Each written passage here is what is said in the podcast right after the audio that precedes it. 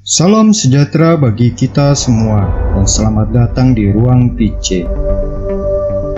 Sebelum kita mulai, jangan lupa di subscribe bagi yang belum dan jangan lupa tekan lonceng notifikasinya. Selamat mengikuti.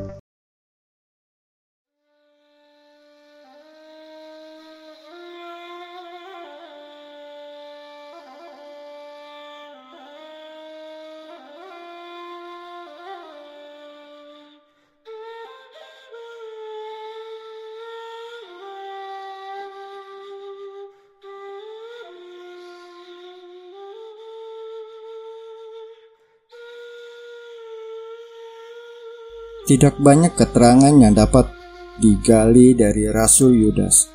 Secara tradisi, artinya berdasarkan catatan yang diceritakan, Yudas adalah putra dari Kleopas dan Maria, yang merupakan sepupu dari Maria ibu Yesus, yang artinya Santo Rasul Yudas adalah sepupu dari Tuhan Yesus sendiri. Secara tradisi juga diceritakan Kleopas mati menjadi martir karena imannya yang disampaikan secara berani dan terbuka saat kebangkitan Kristus. Yudas berasal dari keluarga Yahudi di Banias, Galilea, sebuah kota yang dibangun kembali oleh kerajaan Romawi dengan nama baru yaitu Kaisaria Filipi.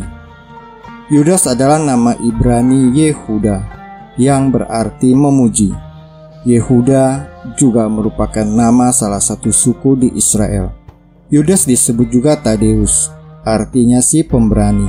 Pada perjamuan malam terakhir dengan berani Yudas bertanya kepada Yesus, "Tuhan, apakah sebabnya maka engkau hendak menyatakan dirimu kepada kami dan bukan kepada dunia?" Jawab Yesus, "Jika seorang mengasihi aku, ia akan menuruti firmanku dan Bapakku akan mengasihi dia dan kami akan datang kepadanya dan diam bersama-sama dengan dia. Setelah Pentakosta, Santo Yudas berkarya di Yudea, Samaria, Idumea, Suria, Libya, dan Mesopotamia. Kemungkinan Rasul Yudas juga mengunjungi Beirut dan Edesa. Secara tradisi dapat diyakini bahwa Rasul Yudas dan Bartolomeus adalah orang yang membawa dan menyebarkan kekristenan di Armenia. Secara tradisi mereka dihormati sebagai orang kudus pelindung gereja apostolik Armenia. Tradisi ini diperkuat dengan keberadaan dua buah biara di Armenia, yaitu biara Santo Tadeus sekarang wilayah Iran Utara dan biara Santo Bartolomeus yang sekarang ada di wilayah Tenggara Turki. Rasul Yudas wafat sebagai martir sekitar tahun 65 di Beirut, di provinsi Romawi Suria, bersama-sama dengan Santo Simon, orang Zelot.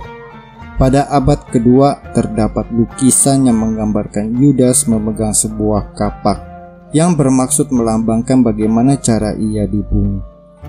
Pada masa gereja perdana, terdapat banyak ajaran-ajaran yang tidak sesuai dengan kekristenan. Santo Yudas selalu meneguhkan iman para jemaat perdana dan terus mewartakan Injil dengan sukacita. Santo Yudas dikenal sebagai orang yang kudus, yang sering melindungi orang-orang yang yang mendapatkan banyak persoalan, perkara besar yang sulit, yang pada saatnya sejumlah umat beriman selalu memohon bantuan doa dari Santo Yudas Tadeus untuk persoalan sulit mereka hingga suatu saat dilahirkannya sebuah devosi kepadanya dalam bentuk novena. Kisah kematian Santo Yudas ditulis di dalam Act of Simon and Jude, salah satu buku yang mengisahkan legenda para rasul dipercaya ditulis oleh Abdias, uskup Babylon yang diterjemahkan dalam bahasa Latin oleh muridnya Tropaus Africanus. Di kemudian hari tubuh Rasul Yudas dipindahkan dari Beirut ke Roma dan disemayamkan di Basilika Santo Petrus. Saat ini tulang belulangnya berada di altar utama Santo Yosef di salah satu kubur bersama dengan Rasul Simon orang Sahabat Ruang PC, Demikian episode kali ini. Silakan tulis komentar Anda untuk saling berbagi. Kasih like bila Anda suka, bagikan ke teman-teman, keluarga, atau media sosial Anda supaya bisa memberi inspirasi.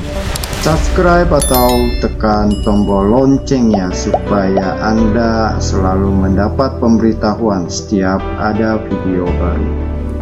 Tuhan memberkati. Non scole set vita discimus.